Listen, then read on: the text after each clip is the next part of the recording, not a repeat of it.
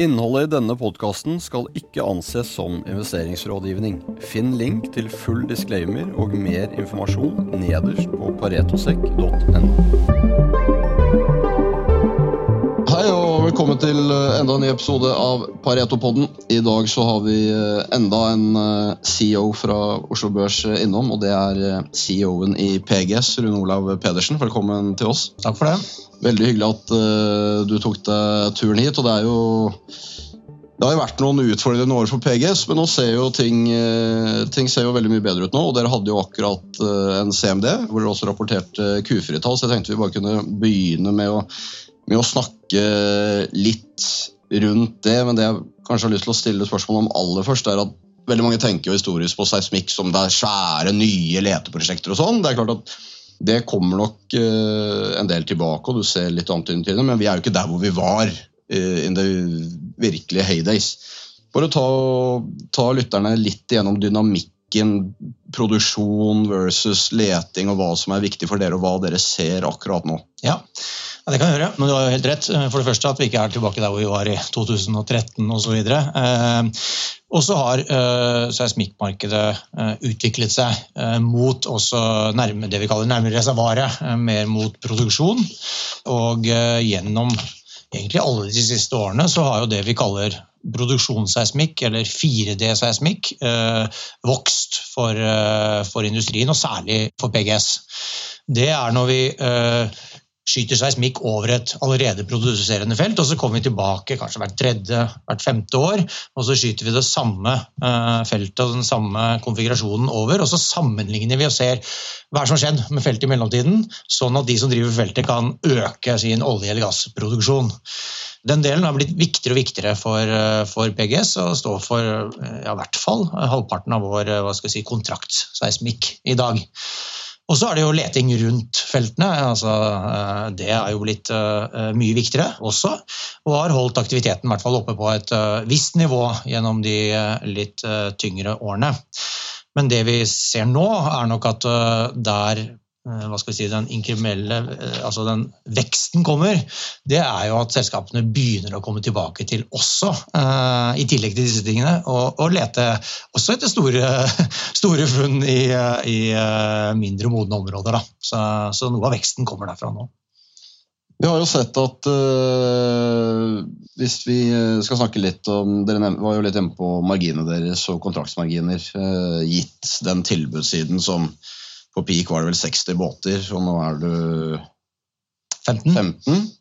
Uh, dere har jo en båt nummer syv som kommer inn til sommeren og skal gjøre arbeid med Petrobras, og har jo en åttende båt som vi kanskje kan snakke litt mer om etterpå. Men hva, hva ser du på prissensitiviteten til, til, selskapene nå? Hvordan tenker de? Altså Man hørte jo det, gjennom nedturen her nå, så måtte på en måte alle beslutninger om alt som skulle brukes i oljeselskapene, det måtte jo virkelig opp til på en måte topp, topp administrerende direktørnivå, er vi litt tilbake der at ok, Capex er jo fortsatt langt unna der hvor det var, og de bruker en mindre andel av det de tjener på Capex. Men de også er jo in the business of making eh, oil, eh, producing oil.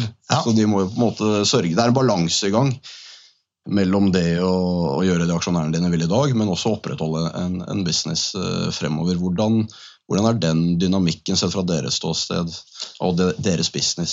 Ja, nei, det, er, det er helt riktig. og vi, vi, har jo sett, hvis du skal gå tilbake til 2012-2013, hvor det var 60 seismikkbåter i, 3D seismikkbåter i verden. Eh, og frem til i dag så har det jo vært en si, sentralisering av beslutningsmyndighet, som du sier. Altså, hvor beslutningene har måttet treffes høyere og høyere opp i systemet, og budsjettene har blitt eh, mindre og mindre.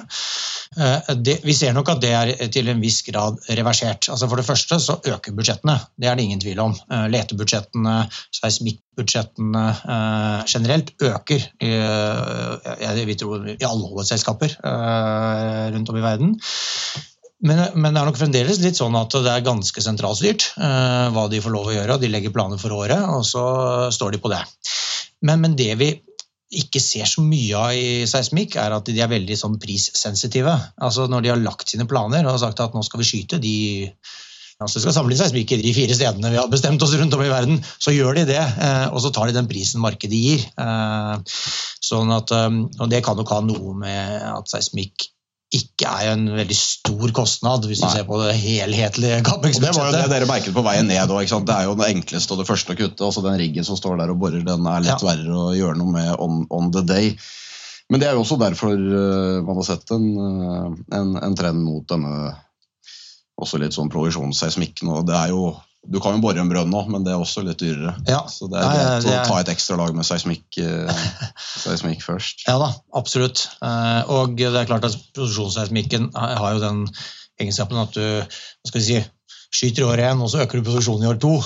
Mens leteseismikken har litt lengre perspektiv på seg, så det er kortere til dollar da, eh, i produksjonsseismikken. Det er ikke noe tvil om det. Eh, på leteseismikken, du, du, nevnte at det kom litt tilbake. Hvor, hvor viktig har typ, Namibia og Sør, altså der har det store store funn, har det, hvor viktig har det vært for å på en måte gjenskape Én ting er oljepris og alt som skjer der, men det er jo alltid greit når du treffer litt og, og ser at ja. Spesielt utover Afrika skjer det jo mye nå. Ja, det, det har vært uh, veldig viktig. Uh, bare for å ta Namibia, som du nevner, hvor det er gjort store funn. endelig, Og det er jo veldig hva skal jeg si, uutforskede områder. Eh, eh, der er det jo Per nå så har jo vi en av våre største båter eh, gående i Namibia på et prosjekt, og vi skal snart over på et nytt et. Så vi kommer til å være der hele hva skal jeg si, sesongen. som Deres sesong er jo, er jo når vi har vinter og de har sommer. Og vår hovedkonkurrent Sharewater har også en båt i Namibia. Så det er to båter av de 15 hele sesongen i Namibia i år. Så det er jo et viktig område. Og også områder sånn som Guyana, Surinam, hvor man også har, liksom, hvor Rexan har funnet veldig mye olje, er også viktige, nye viktige områder. Så vil jeg si Middelhavet blitt veldig hot, for der har de gjort store gassfunn. Og det er jo nære Europa. Ja, ja, men, Europa må jo ha mer gass ganske raskt. Så, så det er plutselig blitt, blitt, greit å finne igjen. Ja. Mm. Så det er også et hot område. Om man trenger for vår virksomhet så er det, er det, viktig at de finner ting og at nye områder åpner seg opp. Det, det bidrar til økt aktivitet for, for seismikkaktører som BGS. Vi var litt inne på, på, dette her med Det er klart når, når rolleselskapene tjener de pengene de, de, tjener akkurat nå, så er det greit at en del går tilbake til utbytte, men det er jo, det er jo litt igjen allikevel. Men um, det man har sett, er jo at majors som er eh, listet public de har jo en agenda og aksjonærer som pusher for en agenda. Og så har du jo IOC-er og NOC-er som ikke nødvendigvis bryr seg like mye om det kortsiktige. Så du har sett at andelen, Capex-andelen derfra har økt. Hvordan, hvordan, ser dere den dynamikken der, og, og er eh, Major sier jo kanskje én ting og, og gjør noe annet. Ja, det, det, er nok, det, er nok, en, en stor grad av det. Eh, så er det nok sånn at uh, uh, i hvert fall de nasjonale oljeselskapene, sånn som f.eks. Petrobras og Petronas, eh, for å ta to, er jo blitt veldig aktive og øker jo sin aktivitet kraftig. Eh, når de ser at eh, nå er det viktig å få aktivitet på eh, hjemmesokkelen osv. Så, videre. så Så det det har blitt viktigere kunder relativt sett. Og så tror jeg også at IOC, det er jo mange av de, mange internasjonale oljeselskaper, de begynner også å komme tilbake. Og de, når det er veldig lav oljepris, da gjør de jo egentlig absolutt ikke noe. Sånn at, at de begynner å gjøre noe, legger et ekstra lag med aktivitet til oss.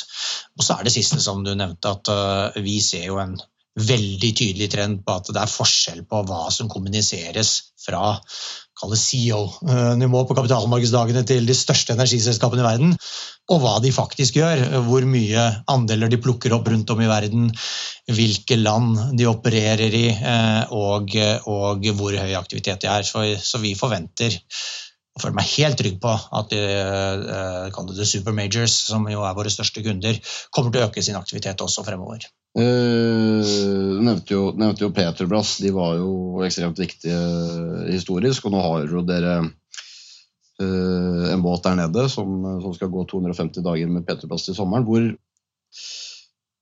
hvor ledende er de i, i måten dere tenker på i forhold til allokering av båter og, mm. og ja, de, er, de, er jo veldig viktige. Veldig viktige for PGS. De gjør jo veldig mye av disse såkalte 4D, så disse produksjonsseismikkene som vi snakket om, og denne jobben som du nevner, er jo eh, produksjonsseismikk over mange av eh, deres store felter. Så, eh, hvor båten beveger seg fra det ene feltet til det andre og skyter 4D. Eh, og det er viktig fordi det er en bra jobb eh, og viktig å gjøre nå.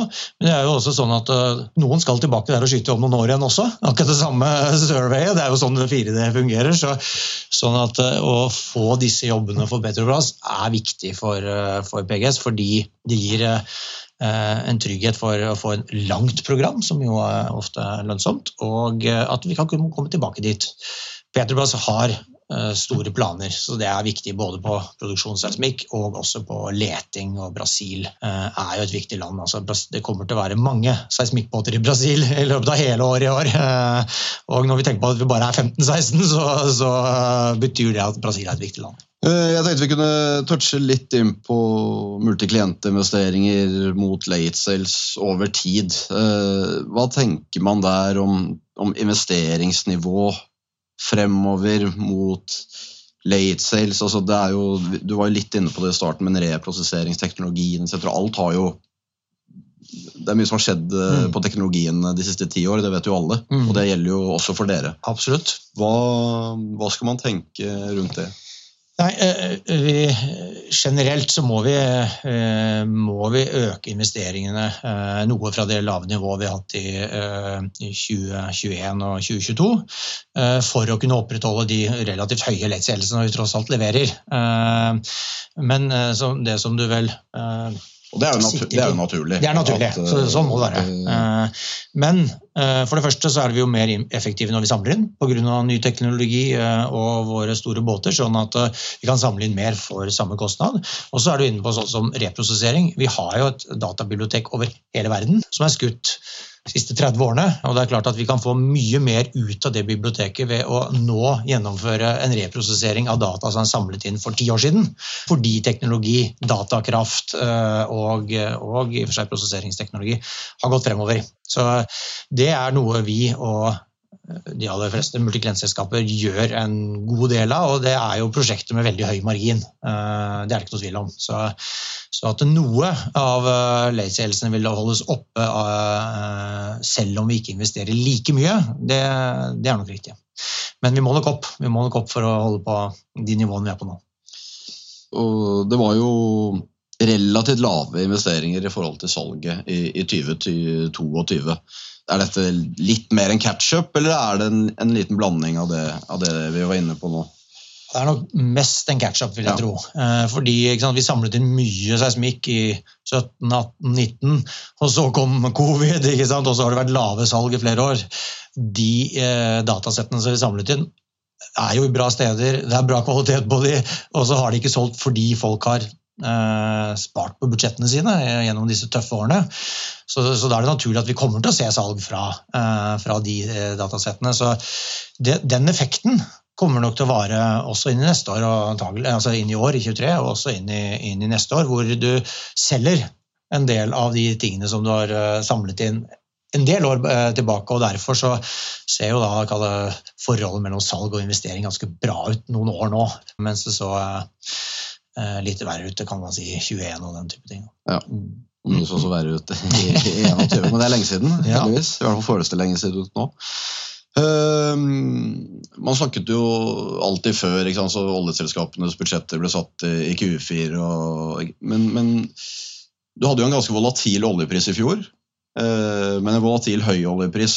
Uh, og i år har du jo det er fortsatt på et høyt nivå og ikke, har ikke sett den samme volatiliteten, i hvert fall ikke på Eh, I hvert fall ikke på olje. Hvor, hvor, sensitive vil du si at kundene er på ikke nødvendigvis månedlige svingninger i oljeprisen, men eh, nå har vi jo ikke touchet nedpå nivåer hvor man kanskje gitt hva OPEX eh, per, per, fat og sånn er, så er det ganske langt ned før man trenger å, å, å bli bekymret. Men så på 80 dollar så er det kanskje ikke noe dere merker noe så veldig mye til, for de legger planene sine ut ifra en, en planleggingspris som er Mm. Ganske mye lavere enn det. Ja, ja og, og, sånn er det. Eh, vi er ikke veldig sensitive til uh, fluktuasjon altså mellom 80 og 90 og 100. Uh, verken opp eller ned. Vi tar det, og til og med ned til 70, så kommer vi ikke til å være veldig bekymret. Det er jo først når oljeprisen begynner å nærme seg mer sånn break even, eh, altså kall det etter dividende, som vi nærmest regner som en fast kostnad for, for, for våre kunder, så liksom rundt 50. Så hvis vi begynner å gå under 60, så begynner vi å følge med. Eh, er det antydninger til at liksom folk begynner å tenke litt nytt om budsjettet sitt i inneværende år, den type ting.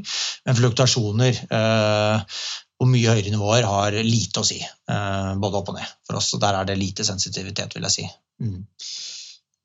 Vi eh, ting ser jo En ting er jo det operasjonelle, men eh, det finansielle også ser jo veldig mye bedre ut uh, i dag enn hva det gjorde bare for to-tre måneder siden. Du har sett uh, TransOcean har vært ute og refinansiert, og det er ganske og Borr har vært det samme, og det er ganske gode markeder. Klart Med den operasjonelle forbedringen dere nå har i bunn Dere har jo et, et gjeldsforfall som Pareto i sine analyser ikke ikke tror kommer til å bli noe problem, men man må jo gjøre noe. Men som administrerende hvor eh, Det er jo alltid ting man må passe på, men det er jo en litt mer behagelig situasjon å være i, gitt at det operasjonelle er såpass bra nå. Mm, mm. Og at ting peker litt i riktig retning i forhold til, i forhold til motsatt. Ja, absolutt. Og vi, eh, det er jo som du sier, vi må jo refinansiere. Eh, hovedlåneforfallet vårt er jo om litt over et år ca. 14 måneder, i mars neste år. Så, så, da er vi jo inne i det vinduet som vi normalt refinansierer, sånn 18-12 måneder før eh, forfall. Så, eh, og jeg var jo tydelig på at vi er jo ganske klare. Vi har forberedt oss godt og er klare. Og så sitter vi og følger litt med på markedene. Og det er jo, vi er jo et globalt selskap og har jo gjeld i forskjellige globale markeder, så, så, vi driver og følger med på de litt forskjellige markedene og ser når kan være et godt vindu for oss å, gå ut på. men men det er ikke noe tvil om at vi sikter oss inn på første halvår i år. Mm. Eh, det, er, eh, det, er, klart. Og at vi er eh, godt forberedt til å, å utføre det på kort, kort varsel. Det er bra. Jeg tenkte vi eh, mot slutten jeg kunne, kunne bare snakke litt om for eh, CO2-fangst og, og, den biten av det. Det er jo ikke ting vi snakket om for ti år siden, men det er jo ting man snakker litt om nå. Det er, klart, det er jo ikke det det jo ikke det viktigste i tallene akkurat nå, men er det, hvordan er den dynamikken rundt det, og kan, det potensielt bli noe som, som drar ut en del båter? Hva, ja, altså, jeg, det tror jeg. Eh, det er jo som du sier at det, det er jo ikke veldig stort uh, nå. Vi hadde omsetning i, i, 2022 på litt over 30 millioner dollar knyttet til primært karbonfangst da, i vår New Energy-avdeling.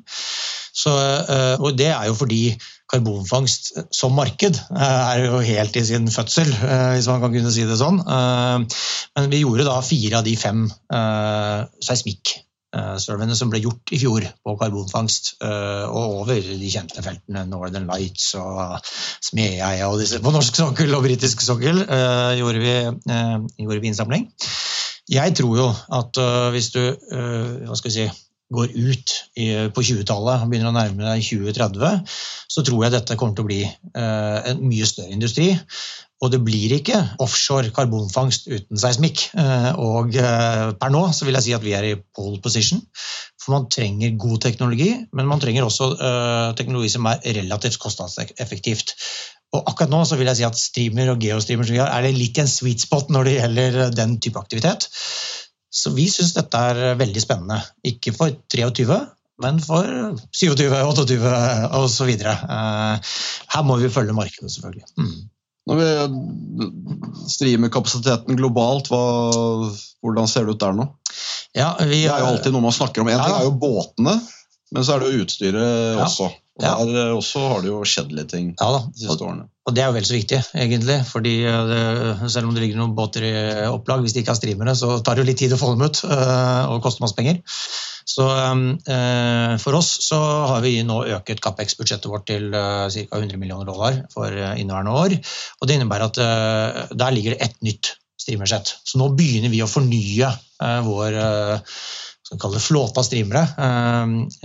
og hele vår streamerpool da kan du si, starter vi en fornyelse på nå. og vil måtte fortsette med det i fire-fem år og ligge på ca. samme, samme Capex-nivå for nettopp å fornye streamerne.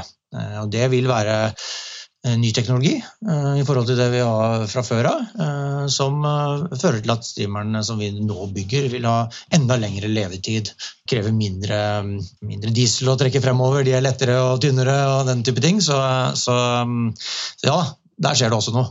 Og vi starter nå med en fornyelse av det. Ja, og der får man tak i utstyret man trenger noe Ja, vi gjør det.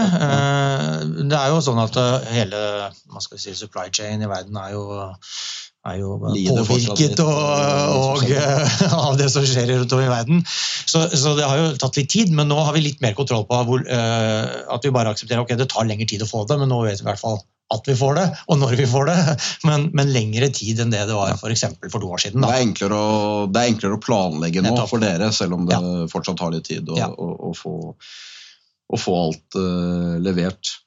Du sier på en måte nye streamer og ny teknologi. Vil du da si at den blir det også her en større forskjell? Vil du si at mer ting går ut og egentlig ikke er like effektivt nok som det som kommer inn, slik at Ja, det tror jeg. Jeg tror jo at den streamerteknologien vi har, den den er jo eh, den beste, og konkurrenten har noen båter med, med den samme type teknologi, like god.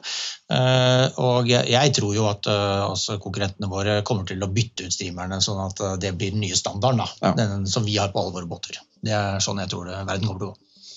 Det høres veldig bra ut. Hvis vi skal avslutte med Dere hadde jo akkurat en CMD. Hva, hvis du skal ta de viktigste highlightsene, hva skal man følge med på mm. for PGS i 2023? Vi har vært innom mye her nå. Ja, ja, ja. for å summere litt. Nei, det, det, viktigste, det, viktigste, det er jo at uh, aktiviteten øker. Det er ingen tvil om at aktiviteten øker inn i 23. Vi, kommer, vi tror den kommer til å øke inn i 24 og 25 også. Uh, og det, det, kommer til å føre til mye høyere prising. Uh, så følge med på kontraktsprisingen fremover, følge med på backloggen fremover, vil være viktig. Det er jo, som vi nevnte, bare 15 båter worldwide nå. og å komme tilbake til det nivået vi hadde i 2019, kommer til å ta flere år. Eh, og flere år med god prising for å nå dit. Så, så det er det som er det viktigste beskjeden fra vår kapitalmarkedsdag. Det er eh, veldig bra. Dette er jo, dere er jo et selskap som er eh, velkjent for veldig mange som, eh, som er opptatt av, av, aksjemarkedet i Norge. Jeg anbefaler jo alle å gå inn på PGS sine hjemmesider og hente ut CMD-presentasjonen der. Der er det veldig mye interessant. Så kan du selvfølgelig også gå inn på online.paretosek.no, og der finner du jo alle Pareto sine analyser av eh, PGS. Rune Olav, tusen hjertelig takk for at du tok deg tid til å komme hit til oss. Det er eh, spennende tider. Det er det. Takk for at jeg fikk komme. Vi minner om at denne podkasten ikke inneholder investerings- eller annen type rådgivning. Handel i verdipapirer medfører til enhver tid risiko, og historisk avkastning er ingen garanti for fremtidig avkastning. Pareto Securities er verken rettslig eller økonomisk ansvarlig for direkte eller indirekte tap, eller andre kostnader som måtte påløpe ved bruk av informasjon omtalt i denne podkasten. Finn link til full disclaimer og mer informasjon nederst på paretosek.no.